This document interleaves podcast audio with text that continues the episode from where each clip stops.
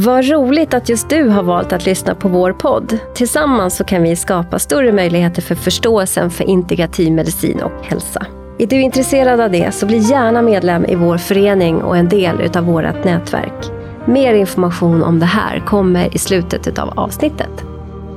Vi spelar in på psykoterapimottagningen Integrativ hälsa på Södermalm i Stockholm. Vid min sida den kommunikativa och pratsamma poddexperten, poddens producent Fredrik Ankarsköld. Min gäst idag är Peter Nilsson. Varmt välkommen! Tack!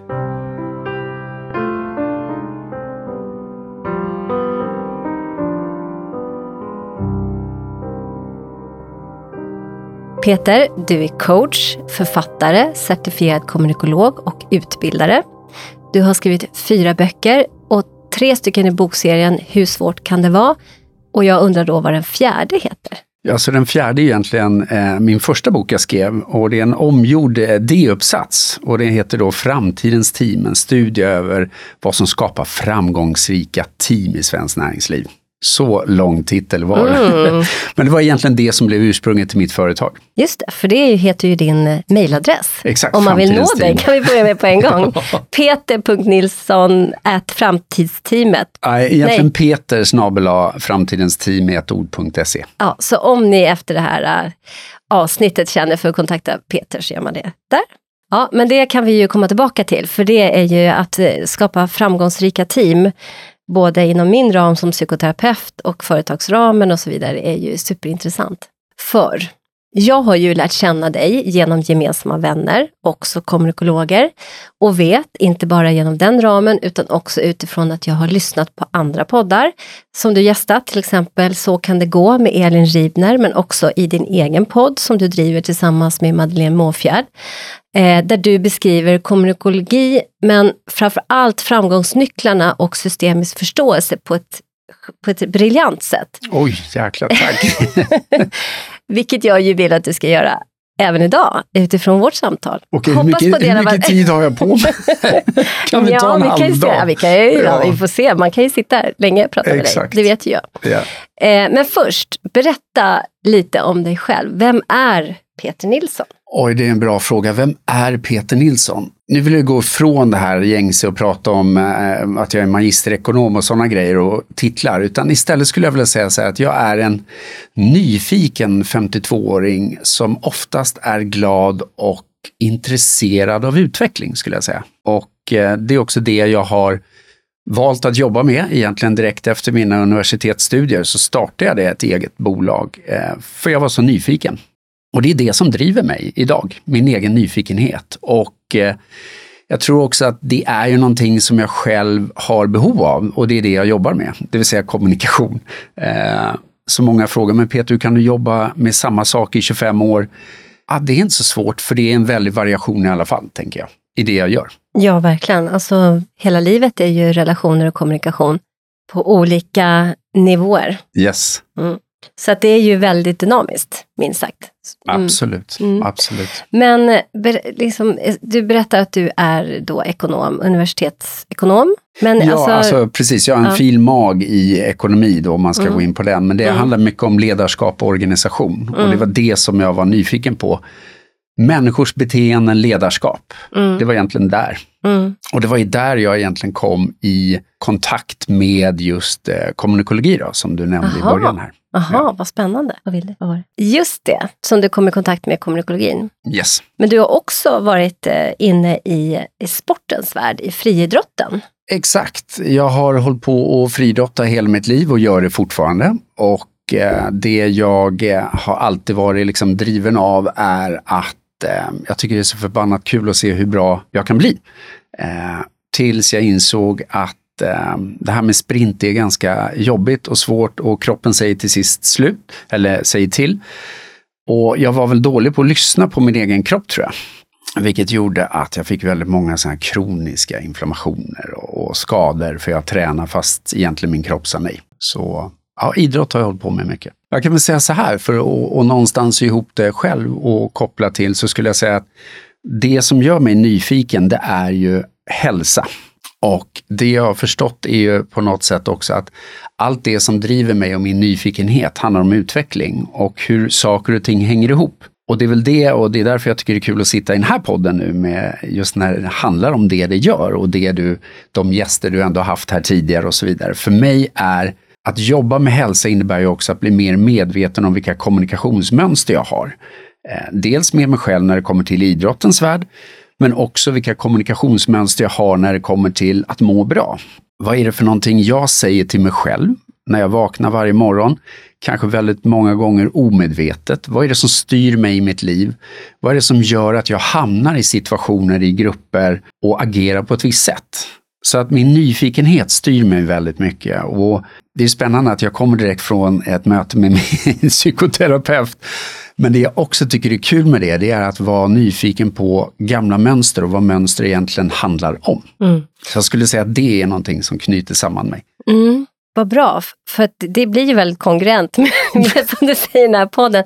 Alltså den här podden är ju sprungen ur en yrkesförening som du vet mm. om för människor som vill verka för integrativ medicin och hälsa.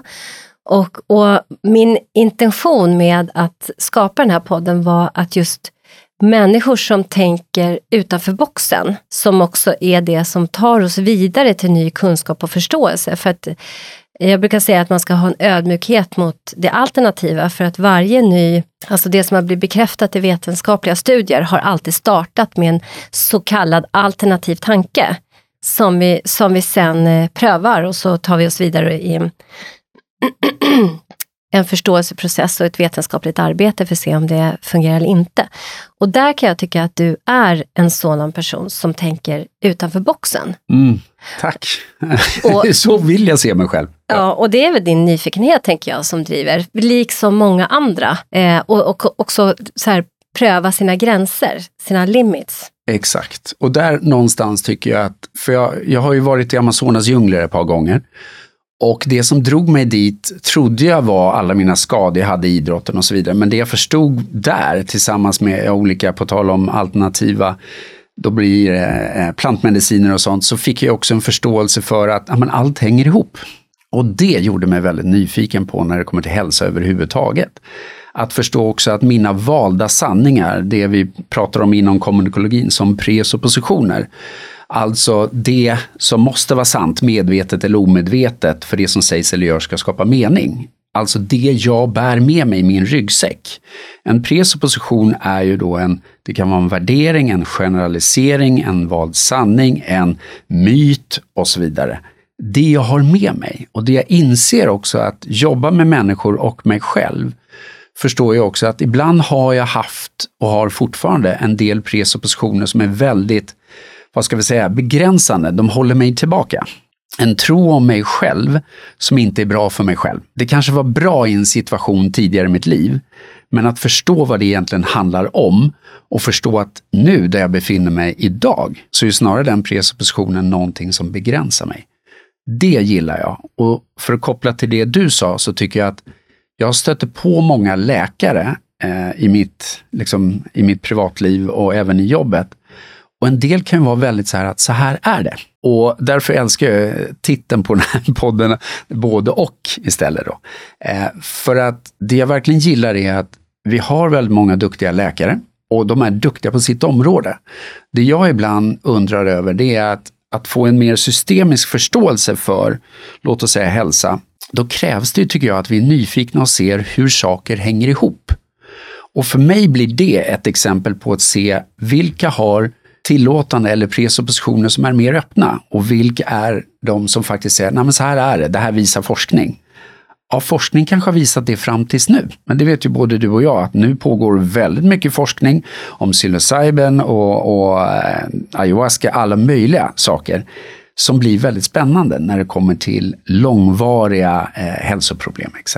Precis. Ett långt svar, men ja. som, som vi visste på 70-talet, eller som man sa att så här är det på 70-talet. Och nu när, med ny forskning så börjar man se helt andra saker, som man kanske såg redan då, men, men då var det inte moget kanske, eller hur man nu ska tolka det. Men nu finns nu möjligheten för det, absolut, och det är jättespännande.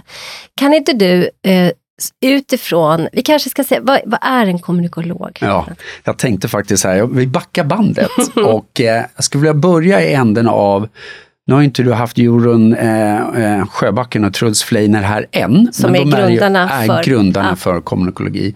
Men jag skulle vilja backa bandet ännu mer för att det finns en del eh, missförstånd och misstolkningar tycker jag om kommunikologi. Och det som är spännande är ju när människor uttalar sig om kommunikologi som inte har en aning om vad det är. De pratar om pseudovetenskap eh, och så vidare. Och pseudo någonstans är ju att man utger sig för att vara någonting som man egentligen inte är. Och det är någonting som kommunikologin aldrig har velat göra. Men jag förstår att det kan bli misstolkningar. För om man tittar på att kommunikologi är en metadisciplin som det så tjusigt heter. Mm, vad är det då? Eh, det är en disciplin som studerar andra discipliner. Och då måste vi titta på vad betyder saker? Och då är det som så att Eh, disciplin står egentligen för handledning eller undervisningsgren eller kunskapsområde. Och det är det det handlar om, att det är ett kunskapsområde där då grundarna Truls eh, Fleiner och Jorun Sjöbacken hade som ambition att tydliggöra och tillgängliggöra nyckelfaktorer när det kommer just till kommunikation och förändring.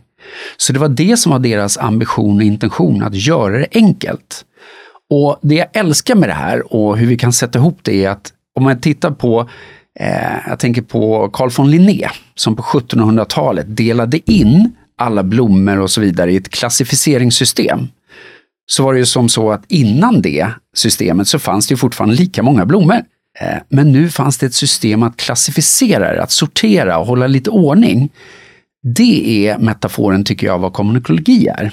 Det är ett sätt att liksom klassificera när det kommer till kommunikation. Och kommunikologi är ju också läran om det som är gemensamt i förändrings och utvecklingsprocesser. Så att det är de här nyckelfaktorerna du nämnde tidigare. Det är det jag älskar med kommunikologin. Att kunna kliva in i olika typer av sammanhang. Jag jobbar mycket med grupper. Men att då kunna upptäcka, var finns obalansen i en grupp? För att är det någonting jag har saknat i, jag har gått många år på universitetet och studerat, men jag tycker det var för mycket fokus på att få tillgång till massa, massa information och kunskap. Och det blev så mycket att jag kände att det blev övermycket, att det var svårt att sortera i det. Det jag önskar att skolor och universitet hade mer fokus på, det var att kanske minska mängden tillgång, öka fokus på hur kan jag sortera i det här och hur kan jag integrera det. Det älskar jag med kommunikologin. Att det just är en form för att kunna sortera, vad är det du gör när, det, när du blir framgångsrik i en kommunikationssituation? Vad är det som händer i en grupp när gruppen fungerar?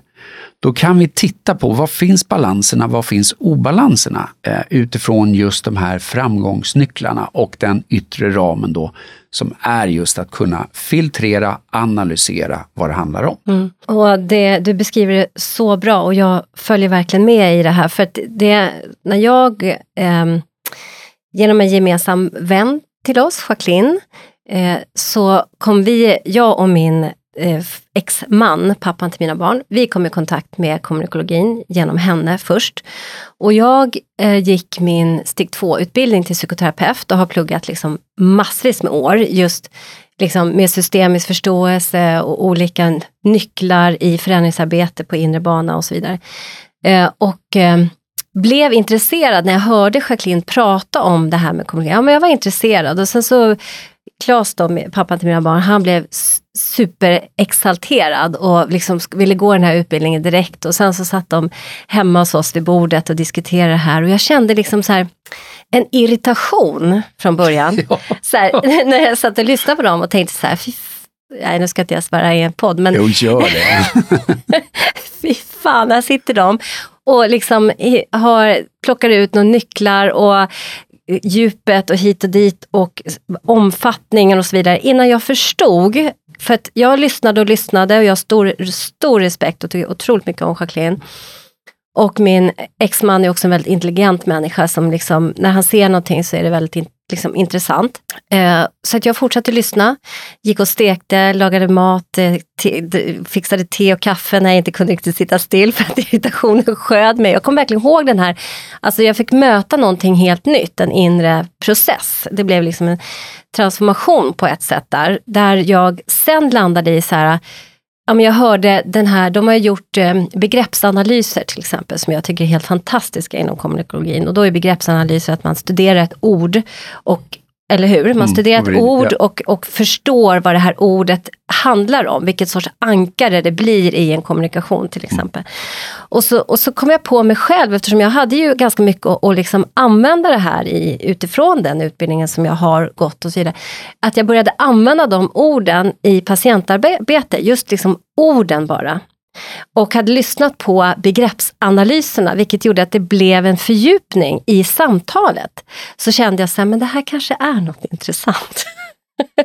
och då gick jag först en modul och sen två moduler och så, och så vidare. Och där jag också kan förstå det här motståndet, för vi vet att det har funnits ett, det var först en framgångssaga med, med kommunikologin.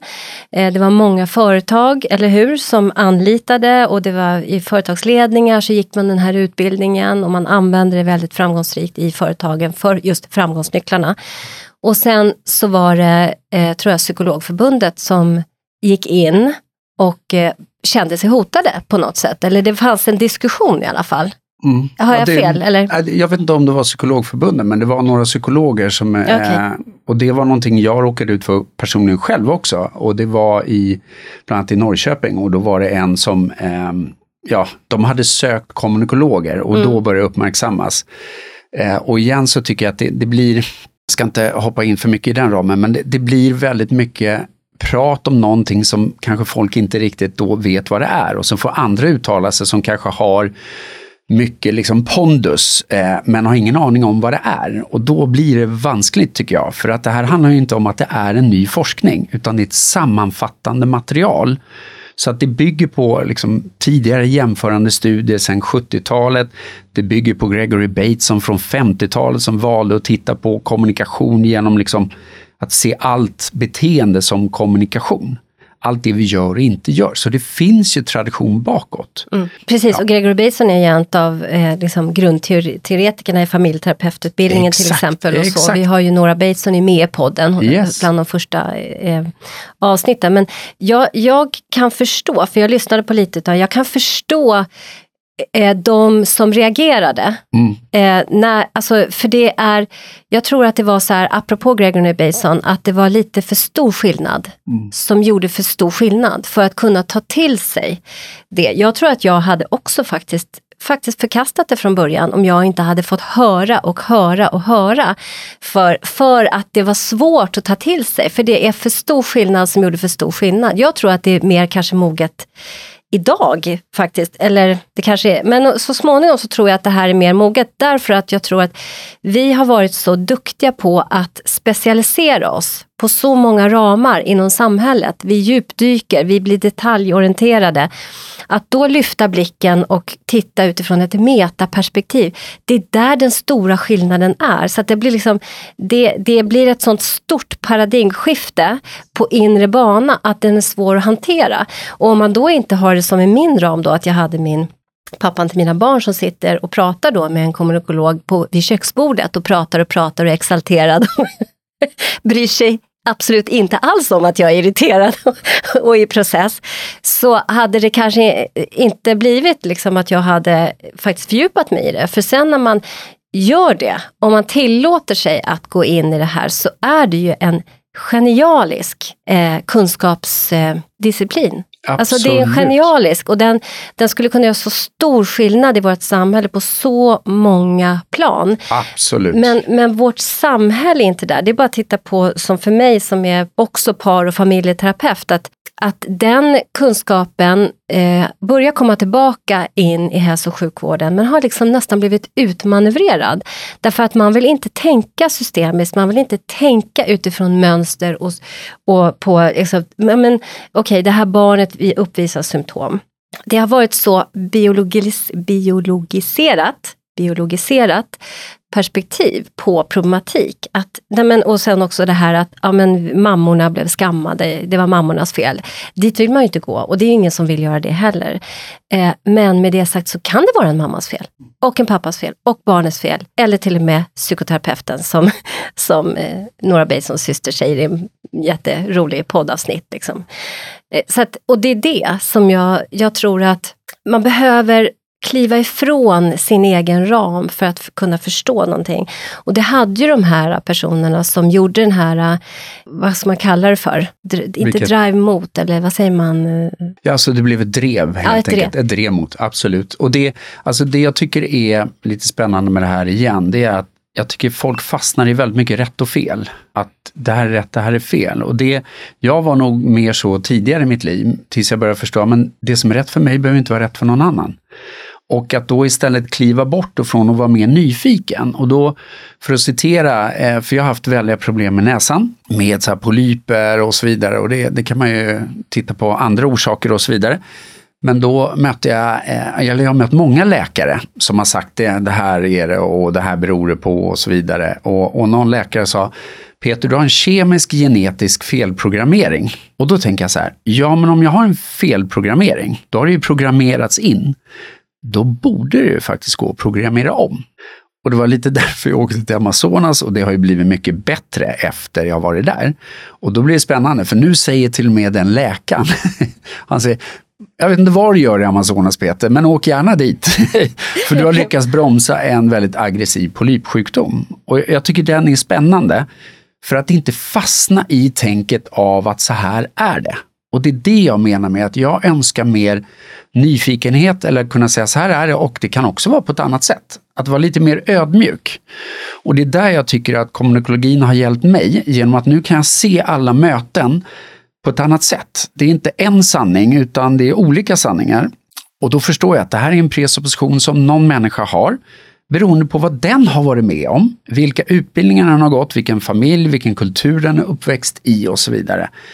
Och det är det jag tycker är spännande, att lyfta upp då vilka presuppositioner har jag om mig själv och hälsa eller om mig själv och ledarskap. Vad är det för någonting som idag hindrar mig från att må ännu bättre eller lyckas ännu bättre? Då börjar vi gå lite djupare och det gillar jag. Egentligen är det ju där, det gifter sig liksom väldigt bra med evidence-based medicine.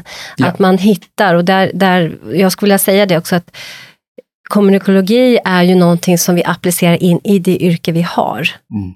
Eller hur? Alltså vi ja, kan, absolut. Vi, därför det... kan det göra nytta för oss alla. Att vi, jag som psykoterapeut, jag sitter inte och, och är kommunikolog, utan Nej. jag har lärt mig ett sätt att filtrera, att förstå, att använda begrepp uh, mm.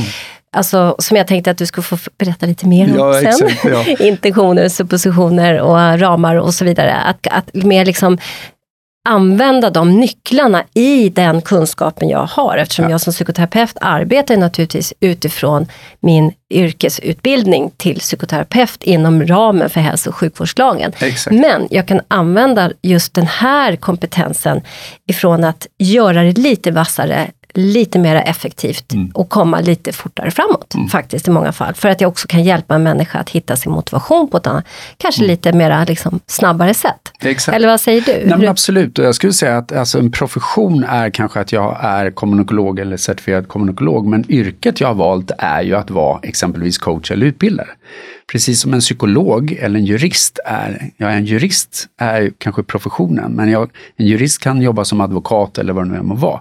Och det är där jag tror också att det viktiga är, som jag känner, är att min kompetens, allt jag byggt upp och den erfarenheten jag har, det, det, var som att hitta hem när jag hittade in i kommunikologin. Och varför då? Jo, för att jag kunde börja sortera upp det jag har varit med om, kompetens, kunskap och det är det jag gillar med det här med klassificeringssystemet. Då tycker jag att det är en, den här analysförmågan att kunna kliva in är ovärderlig. Och det, det, är det som jag tänker att de här psykologerna som gjorde det här drevet mot kommunikologin, som var ju förödande för kommunikologin där och då. Absolut. De, de, det fanns inget motsatsförhållande. De trodde att det fanns, att det här, nu ska de trodde, nu gör jag samma fel själv. Vad jag tror att de trodde var att det var några som ville in och kanske förenkla någonting. De har spenderat liksom minst fem år i en utbildning och sen ska, jaha, vad är det här för några som kommer med en utbildning på tio veckor? Eh, ska det, alltså så. Men det var det att det fanns inget motsatsförhållande mellan de här utbildningarna. Att, att vara psykolog så kan man också gå den här tio veckor för sin egen skull. Ja, det är eller många för att, psykologer som har gått och är och även certifierade. Att, absolut. Ja, så att det, det, jag tror att det var det som var att man trodde liksom att det här var en någon form av konkurrens mot en redan befintlig, vilket det inte var. Utan det, det är helt det är liksom två olika ramar men som kan gifta sig väldigt bra om man vill det. Och, och, så jag tror att det kan vara ganska viktigt att säga det faktiskt för den som som har funderat ja. på det. Och sen tycker jag att det är bra att vara skeptisk. Det finns många saker inom kommunikologi jag önskar kunde vara ja. Och ett, som ett exempel på hur jag jobbar. Man ska vara skeptisk mot vilken utbildning som helst. Det är, ju det, det är ju så vi förstår mer och mer och mer. Att, ja. annars blir det sektoristiskt om exakt. vi går in och inte kan ifrågasätta. Ja. Nej, men som ett exempel, eh, jag ska träffa ett gäng på AstraZeneca nästa vecka och eh, då kommer vi jobba med fokus på vad? Jo, med kommunikation och ledarskap. Så det handlar inte om att jag är ute och, och liksom utbildar i kommunikologi, utan det handlar om att ta fokus på ett fåtal framgångsnycklar när det kommer till just deras fokus. Och det är det jag gillar. Och när jag är ute och jobbar så kan det vara som så att jag tar fokus på vad är de största utmaningarna och så får de prata om dem och sen kopplar jag på en av de här framgångsnycklarna, nyckelfaktorerna.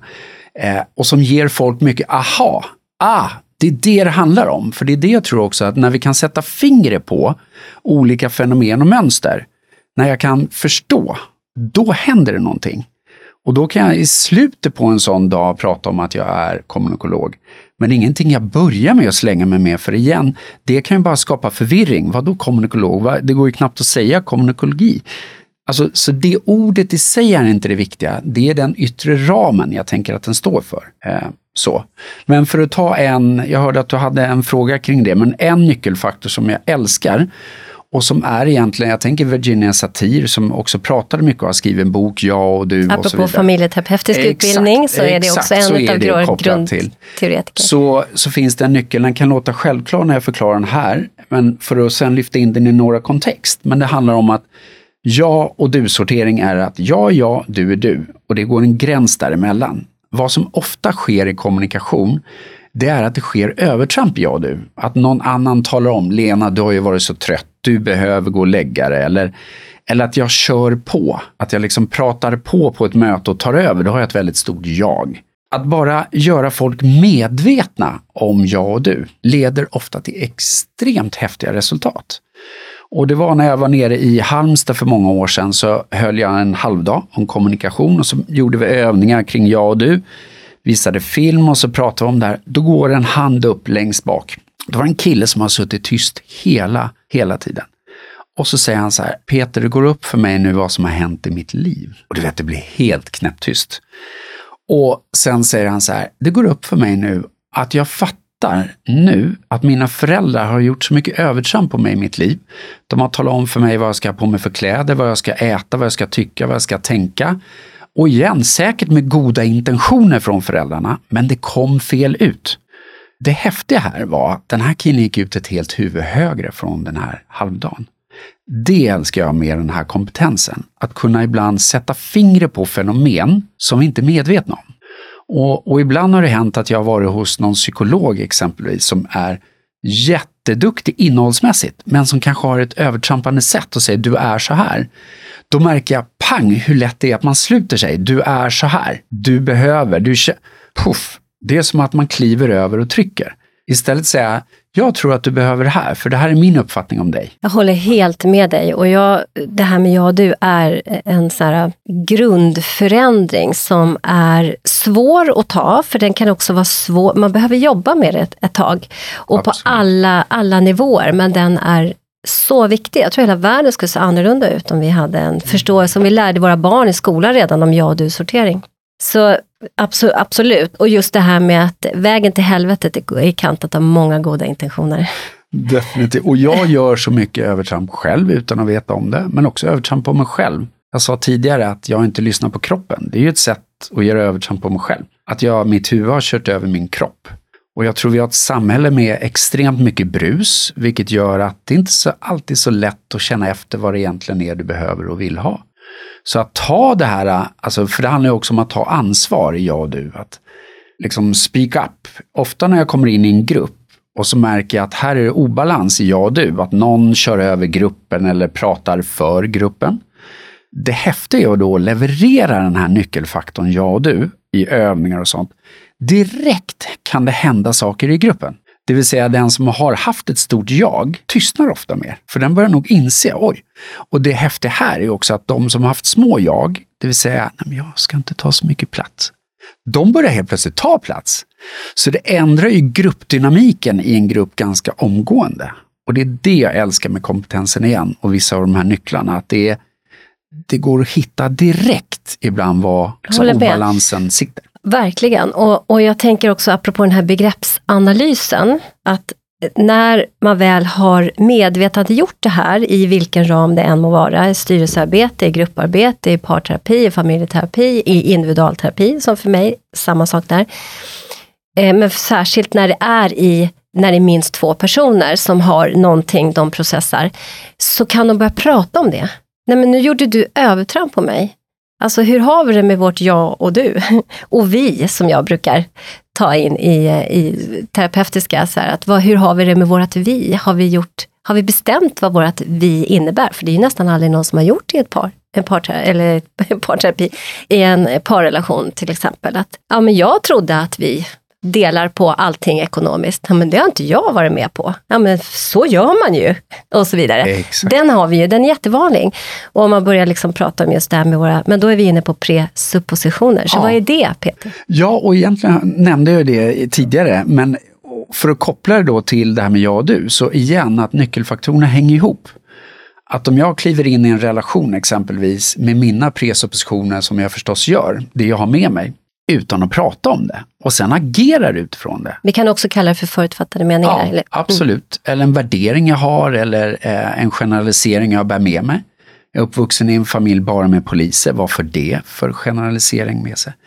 Men att bara då agera utifrån mina presuppositioner kan ju lätt leda till övertramp, jag och du. För du är inte där. Och då är vi inne egentligen på ytterligare en nyckelfaktor som kallas ramar då att allt är ramar. Frågan är bara hur tydliga är ramarna? Vad är innanför? Vad är utanför? Och det jag märker när jag jobbar med människor och ett av de absolut största problemen idag i organisationen vågar jag säga, när det kommer till hur folk jobbar, det är otydliga ramar. Och vad menar jag då? Jo, att vi tar för givet att alla känner till det som jag har. Vi kliver in i ett möte och så börjar vi agera utifrån det mötet utan att ha stämt av ramarna. Vänta, är det en diskussion, information eller beslut vi ska fatta? Vad, vad ska det här mötet leda till? Vad är intentionen med mötet? Alltså att vi agerar ofta utifrån vår egen ram av förväntan, av ansvar och det jag har med mig i presuppositioner. Men är alla andra med i den ramen eller inte? Och det menar jag är den största utmaningen idag. Att folk är, det är otydligt. Otydlighet vågar jag säga när det kommer till ledarskap, kommunikation, samarbeten. Så, så då får vi oss in på det här att, att eh, den frågan som egentligen Fredrik hade med sig in här, som han ville. Kan inte du ställa den, Peter den, den, här frågan? Exakt. och då, då var det så att när du jobbar med företag och ledare, vad är de största misstagen som du ser som man liksom gör? I, nu pratar vi om ramar och mm. ja och du-sortering och, så, mm. och, och övertramp och så. Men vad, vad, ser du liksom på det stora hela? Eller Ja, du kan få svara på den frågan. Eh, men också så här, när du går in och gör ett, ett, eh, ska göra ett förändringsarbete med ett företag, med en, med en styrelse, större grupp. Hur arbetar du? Övergripande? Det var fler frågor i ja. en där. Så jag, jag, bör, jag, börjar, ja, jag börjar med den frågan du sa, vad är de liksom största? Och då skulle jag säga att det jag var inne på, otydlighet, absolut.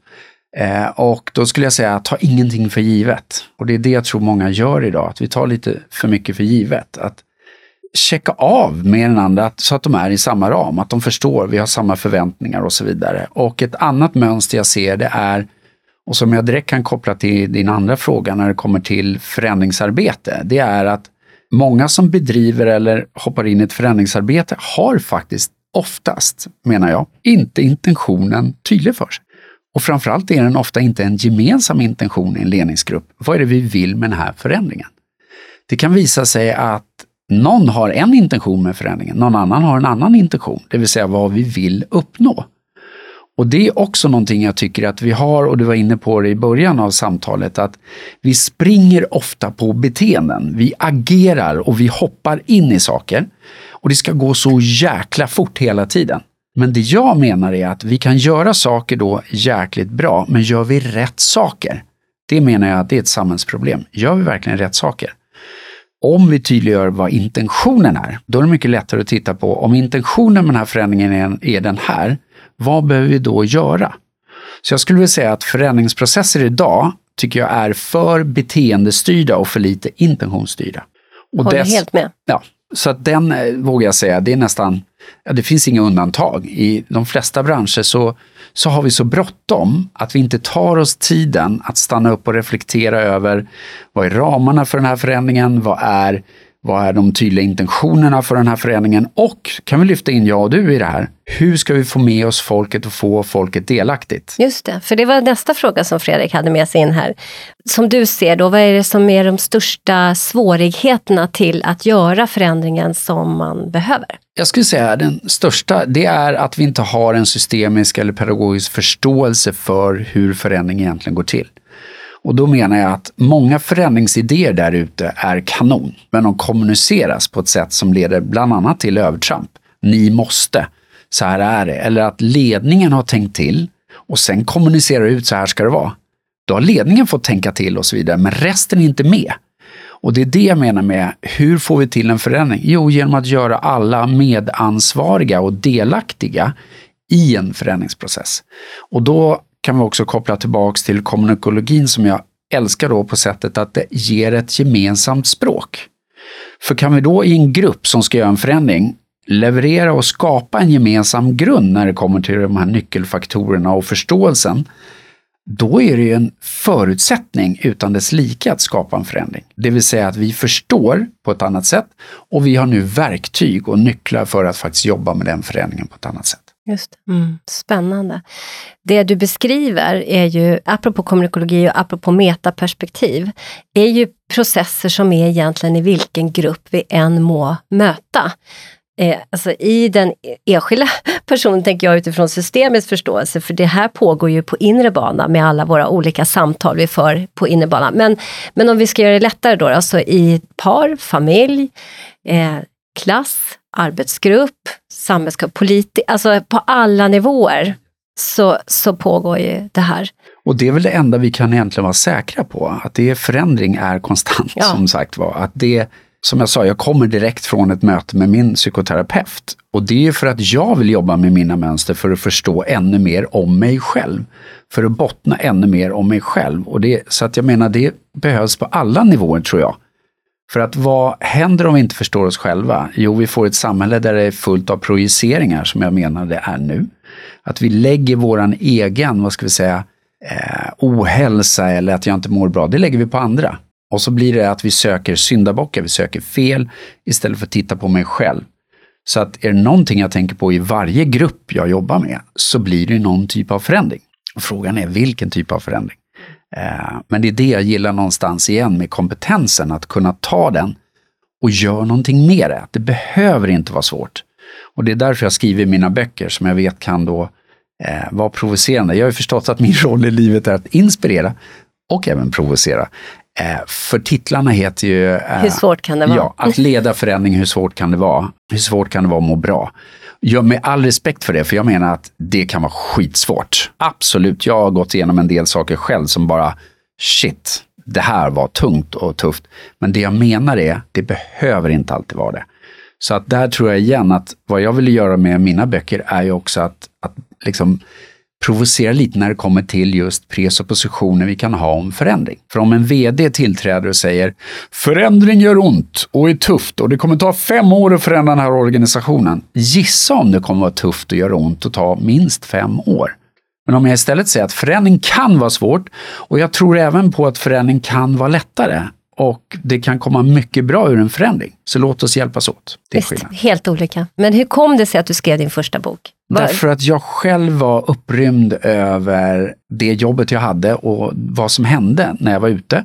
Och som jag vet också andra kommunikologer, de får häftiga resultat. Och jag saknade böckerna som jag ville ha själv, som kunde förklara några av de här nyckelfaktorerna, stoppa in det i ett kontext och så vidare. Så att jag valde 2012 att skriva då Skärp dig, hur svårt kan det vara att förändra? Och eh, Apropå provocera. Exakt, exakt. Och vad jag även då valde att göra var att jag stoppade in även QR-koder som 2012. Det var, jag hade inte sett en enda bok med det. Men det var ju också för att jag ville göra en interaktiv bok. Att den ska vara fylld av exempel och ge, skapa inspiration.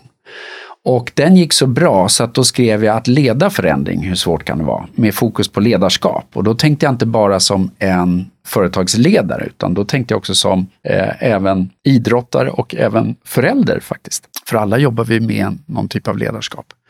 Och sen den senaste då, hur svårt kan det vara att må bra? För att eh, jag kände att jag hade den i mig också. Och det var ett sätt för mig att integrera och jobba med min egen hälsa samtidigt som jag skrev boken. Mm. Det är ju alltså, eh, intentionen för den här podden som jag eh, pratade om lite i början, att, är just att bjuda in människor som tänker utanför boxen. Eh, och den har jag ju då förstått att det sker ju genom egen eget förändringsarbete. Och jag är ju ett fan av Embrace your crisis. Det är för det är där vi utvecklas som allra mest. Att då skifta från rädsla till nyfikenhet brukar jag prata i de allra mest, eh, flesta liksom, samtal där det kommer upp. Att, och då istället se att det är nu vi verkligen kan tänka. För annars tänker vi liksom samma tankar som vi tänkte igår. Det gör vi alla. Vi är programmerade på något sätt för att göra det om vi inte börjar träna oss i att inte göra det. Eh, men då tänker vi oftast väldigt mycket samma tankar, förutom när vi står inför en kris. För då står vi, krisen per definition innebär att vi inte vet vad vi ska göra. Och då, och då tänker vi någonting nytt. Och det är ju våra stora hjärnor som människor, liksom, det är ju det de älskar. Att hitta nytt och utveckla och komma vidare och så. Så att embrace your crisis. Och då, då, då är det just det här med att när vi står inför en kris, då behöver vi söka nytt. Och, många... och inte alltid helt lätt vågar jag säga. Nej, det är eh, verkligen inte lätt. Gud vad lätt det är att låta rädslan styra. Ja, och så det är jag har verkligen som... respekt för. Ja, verkligen. Bra att du säger det, för så är det ju. Så är det ju för oss alla. Du har varit där, jag har varit ja. där.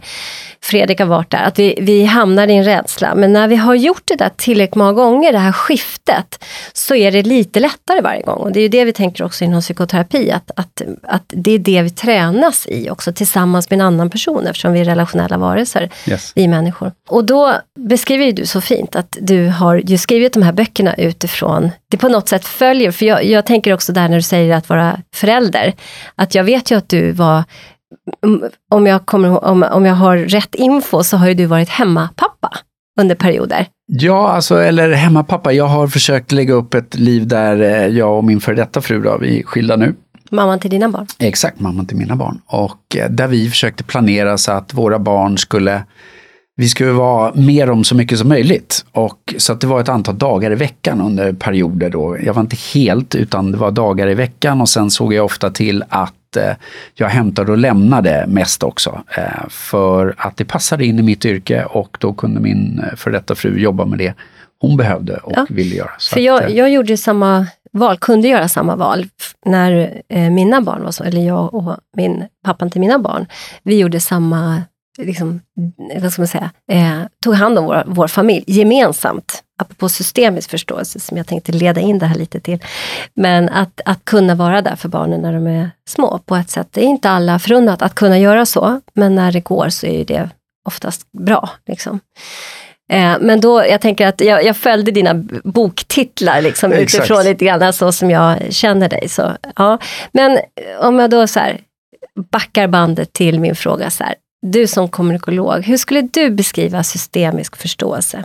Vad, vad, och vad är det bra för att kunna förstå alltså, systemisk? Det jag gillar med det och det, det jag har förstått själv, det är att jag har alltid varit nyfiken på helheten. Inte bara liksom på att gå ner och grotta i en detalj. Grotta i en detalj kan vara fantastiskt, men jag har också förstått att helhet är viktigt för mig.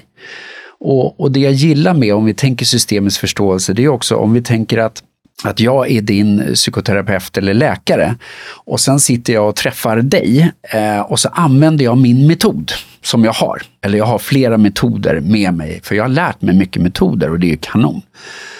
Och sen så inser jag att jag når inte dig med min metod. Då är det väldigt lätt att titta på metoden, eller att liksom, metoden är fel. Det jag gillar med en systemisk förståelse det är att inkludera så mycket mer i det här. Det är att också förstå att metoden är inte det, det enda, utan det handlar om hur min kommunikation med dig är, vart vi sitter. Alltså att förstå en helhet för mig är någonting annat. Och det är också att förstå att exempelvis, som jag gillar när jag var i Amazonas, att eh, indianerna där pratar inte om linjär tid. De pratar om cirkulär tid. Berätta. Och det är ju spännande. Ja, och jag kan inte gå in jättemycket in i detalj i det, men för dem innebär det att man kan resa in till framtiden och man, liksom, allt hänger ihop på något sätt. Att allt blir en, en divine unity på något sätt. Att förstå att äh, men jag kom inte i tid till jobbet för det var massa strul på vägen. Ja, men det kanske var meningen att det skulle vara strul. För annars kanske du hade legat på liksom, botten av den där eh, sjön i, i en bil för att det hade hänt någonting. Alltså att förstå mer att vi hänger ihop med så mycket annat. Trust the process, liksom, vad det än handlar om. Exakt, mm. och det är väl där jag ibland tycker att vi söker lite för mycket den här, vi söker pillret. Vi söker pillret till en eh, hälsosam eh, miljö. Eller vi söker pillret för att jag har ont. Och då menar jag systemisk förståelse för mig är att inte gå på liksom, verkan, vad, vad, vad handlar det här om? Utan mer gå till djupet. Vad är det på djupet? Vad handlar det här om? Det är för mig att söka en helhet. Att inte bara ta det här pillret snabbt. För vi har en, tycker jag, en pillervärld. Att det går lite för lätt, tycker jag, att, att skriva ut piller. Eh, även om jag har respekt igen för att piller kan hjälpa väldigt många, så tror jag att vi behöver också ibland lyfta in mer faktorer i det och hitta ett annat sätt att jobba med exempelvis hälsa. Ja, tack. Långt svar. Jag vet inte. Nej, det var jättebra. Nej, men så är det ju verkligen. Att, att, och, och det är ju det som jag tror också, varför är det så svårt att prata om system? Många tror jag så här, men en dator och en bil och det är ju system. Liksom. Det du och jag pratar om just nu, det är ju levande system. Där det liksom, som är i en ständig process framåt på olika sätt. Och, och det som är, som är så svårt, det är ju att det går inte att evidensutvärdera en metod, om vi väljer att kalla det, som inte kan generaliseras. Mm. Och det är ju så egentligen på levande system. Alltså det försöker vi inom vetenskapen hela tiden, att hitta en forskningsfråga och så har vi en grupp och så gör vi det här på olika alltså så här, manualiserat sätt för att det här ska kunna liksom, göras om flera gånger och till slut ska vi ha RCT-studier. Och varför då, som du sa i början, så här, att forskning, det är vad vi vet nu. Jag brukar också säga det, att forskning är ju färskvara Exakt. i väldigt hög utsträckning. Och där behöver vi ha den ödmjukheten till att det är en, en färskvara.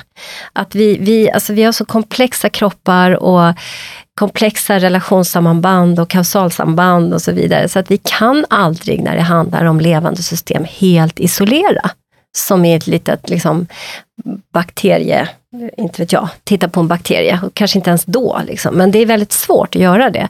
Så med den ödmjukheten att ja, men, det verkar som att det här är något som fungerar.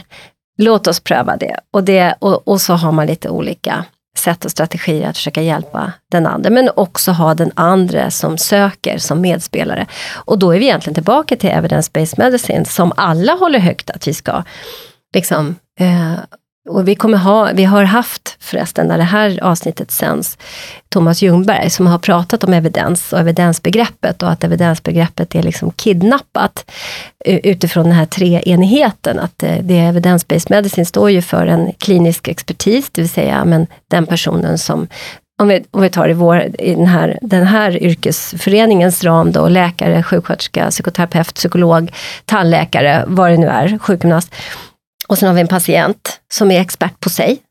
Och sen så ska vi då kunna ge dem ett förslag på en metod som vi tror fungerar. Säger då patienten, eller tror, alltså som vi då ska i bästa fall ha evidensutvärderat, eh, Säger patienten nej, jag vill inte ha den där, då har vi inte en evidence-based medicine, alltså en sån situation, utan då fallerar den. Just. Men det har vi ju liksom tappat bort i vårt samhälle, utan nu kallar vi bara, ja men det här är evidens och det här är evidens och då ska det funka. Men det är ju evidens för just metoden. Det kan ju till och med vara så att kanske den, om vi tar det som en läkare som känner sig att nej men egentligen med min 50-åriga erfarenhet utav det här yrket så skulle jag nog tro det här. Men i riktlinjerna så står det att vi ska använda de här evidensmetoderna. Eller så säger patienten, nej, jag vill inte ha ett piller, jag vill ha psykoterapi till exempel. Eller vad det nu kan vara.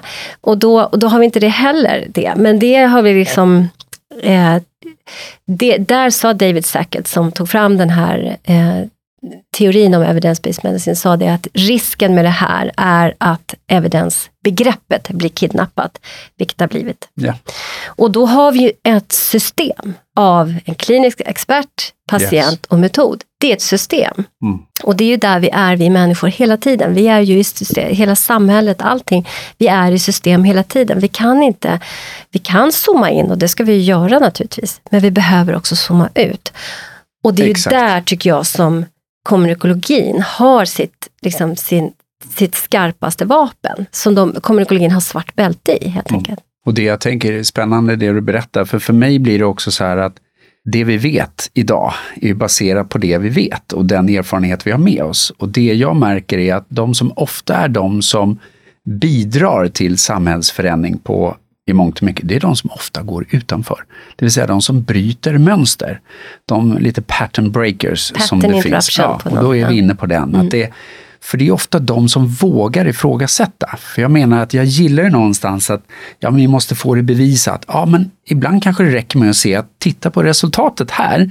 Måste det vara en studie som, ja men titta, vad hände här? Bara när det blev en annan, annan vetskap. Och det är det jag gillar också istället för att kalla det en så här kommunikologmetod. För det är ingen metod.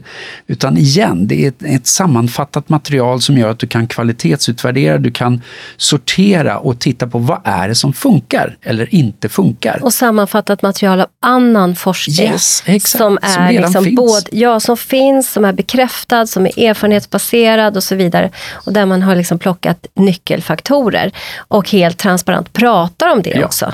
Att det här är taget därifrån, det är utvärderat Ja. och man kan applicera det på lite olika Ja. i ett levande system. Ja, och det är öppet för alla att gå. Det är liksom det också, det är ingen stängd kultur. Men det är som med alla, jag menar det finns de som blir liksom profeter och, och liksom, ah, de går i, i bräschen och då kanske det ibland blir en form av misspacing att det är svårt att möta andra människor på rätt sätt. Och det har jag all förståelse för också. Men det finns ju i alla områden. Så att igen så tror jag att det är viktigt att bara vara ödmjuk och öppen och nyfiken istället för för snabb att döma någonting. För det jag gillar det är att det faktiskt händer någonting. Och resultat, det gillar jag.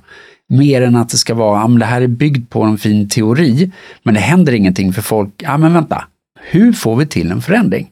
Och då gillar jag ändå att det börjar bubbla i samhället idag. Jag vet att du också har sett eh, filmen eh, Magiska svampar som går på SVT som är en dokumentär om just eh, psilocybin. Eh, och även andra saker, jag tänker på DMT och så vidare. Att nu börjar det hända grejer. Och det var ju strängt förbjudet ens att, att forska om. För det var så associerat med antikrigsrörelsen på 60-talet i USA och alltihopa. Och Och locket knark på. och droger och Droger och- problem i absolut, samhället och så vidare. Och så vidare. Men, så- Igen, var nyfiken och öppen. För det är då jag märker det händer roliga saker. Fastna inte för mycket i en presupposition som säger så här är det. Precis, och det var ju där vi började nästan, att, att eh, det här med att tänka utanför boxen. Att, man, att det är människor som tänker utanför boxen, som tänker en alternativ tanke, som inte är inkluderad i etablissemanget just nu, men som börjar, jag brukar ta det här som med paradigmskiften, att det är, paradigmskifte är som bin som, som ska, vad heter det, svurma? Nej, vad heter det? Eh, Svärmar runt det. Ja, de kanske svurmar också, eller vurmar. Vurmar kanske mer. Vurmar. Ja. eh, svärmar. Eh, de, då är det ett litet bi som börjar dansa, som gör något helt annat mot alla vad alla andra arbetsbin gör. Bara den dansar lite grann och så kanske får med sig någon till bin som börjar dansa. Och så börjar, åh, de där är kul, tänker jag då. Så här. Då börjar flera bin dansa och sen så blir det så att de svärmar iväg och skaffar sig och skapar en ny koloni någon annanstans och har utvecklats ut någonting, ur någonting.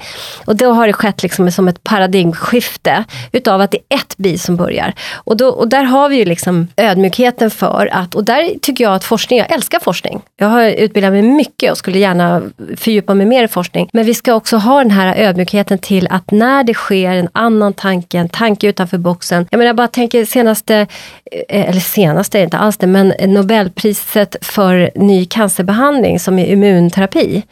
Alltså den är ju, var ju superalternativ den tanken från början. Idag är det någonting som vi ser kan bota långt framskriden cancer.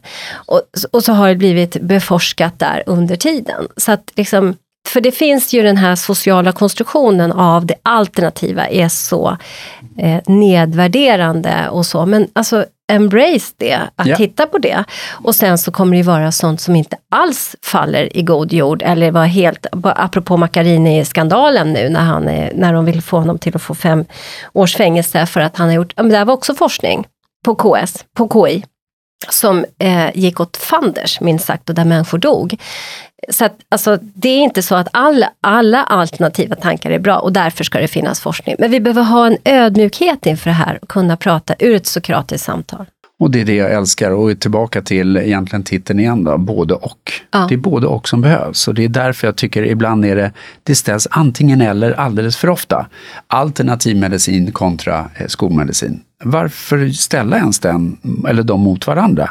Titta på vad som funkar och vi vet ju att eh, placeboeffekten är enorm, men också noceboeffekten. 67%. Ja, och nocebo är ju också. Ja. Vilket innebär att varför inte jobba med det? Vi måste väl jobba med det som funkar. Och då- det vill jag mer ha. Ja, verkligen. Och då kommer vi in till någonting som du också sa för en liten stund sedan, som jag bara vill att vi fördjupar oss lite i.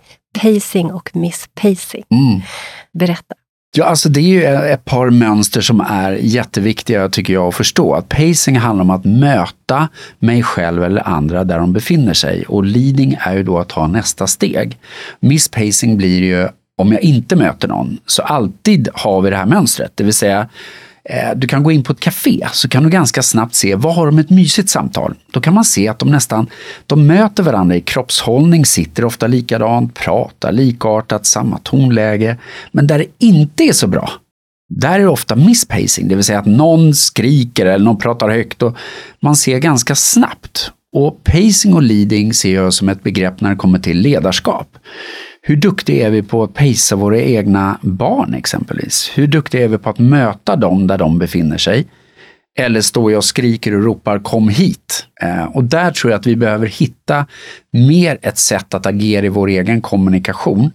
En pacing kan vara att innan jag startar ett möte så säger jag, hörni, innan vi drar igång mötet, som för övrigt har den här intentionen, den här ramen, vad har ni er uppmärksamhet? Vi går laget runt bara, kort. Och så får man kort berätta vad man har sin uppmärksamhet.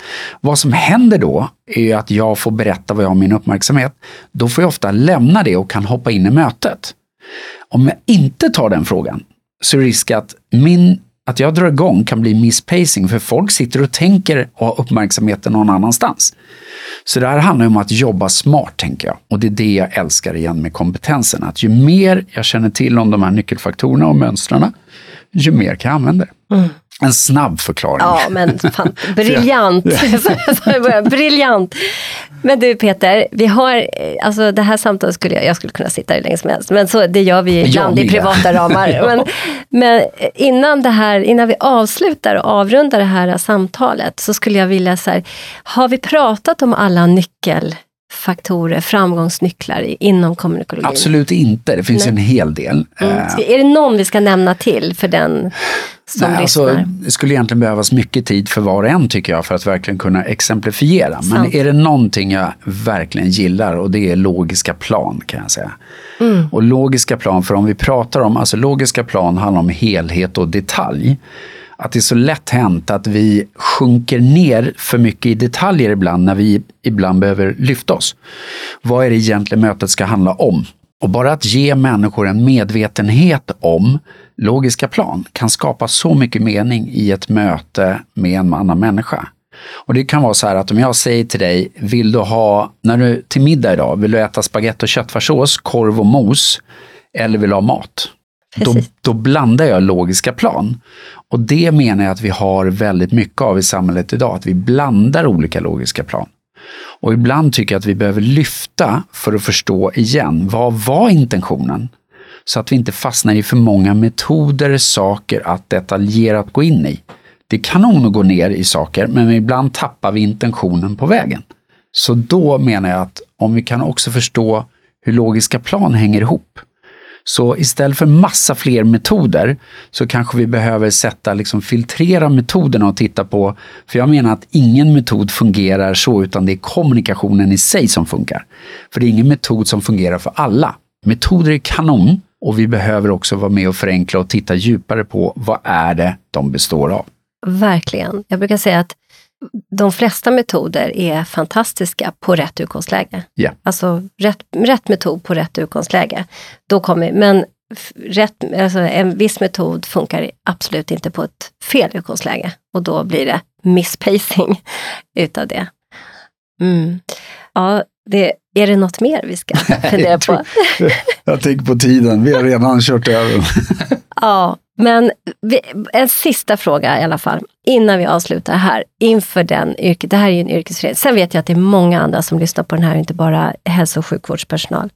Men är det någonting som du tycker att just hälso och sjukvårdspersonal skulle behöva höra, som du skulle vilja passa på och eh, skicka ut till dem via den här podden? Oj, jättebra fråga. Ett, de gör ett fantastiskt jobb och härligt att de har valt yrket. Och vad jag skulle vilja skicka med i så fall, det är att vara nyfikna och vara nyfikna också på kommunikationen i sig. För jag har ibland jobbat med läkare som är så jäkla duktiga i sitt innehåll. Men hur de kommunicerar, där finns det mer att önska. Och det är väl det jag skulle vilja skicka med, att vara nyfiken på vilken effekt och liksom vilken påverkan kommunikationen har. Eh, det skulle jag vilja skicka med. Peter Nilsson, stort tack för att du ville komma och gästa vår podd. Tack! Det var Kul briljant. Kul att vara här. Tack.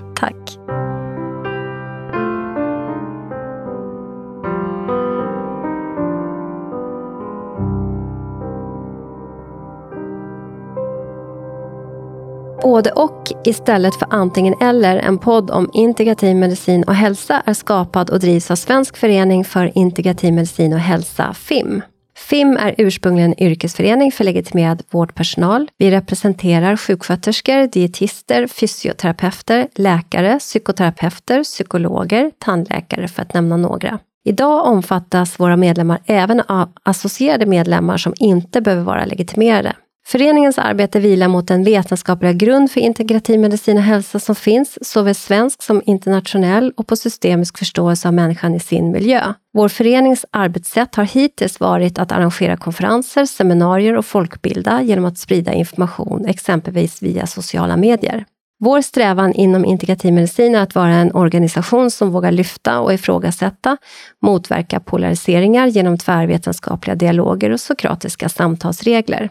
Vi vill kartlägga forskning som bedrivs även internationellt och hålla koll på aktuella forskningsresultat om behandlingsmetoder, både vad det gäller den etablerade vården liksom den vård som bedrivs utanför den etablerade vården.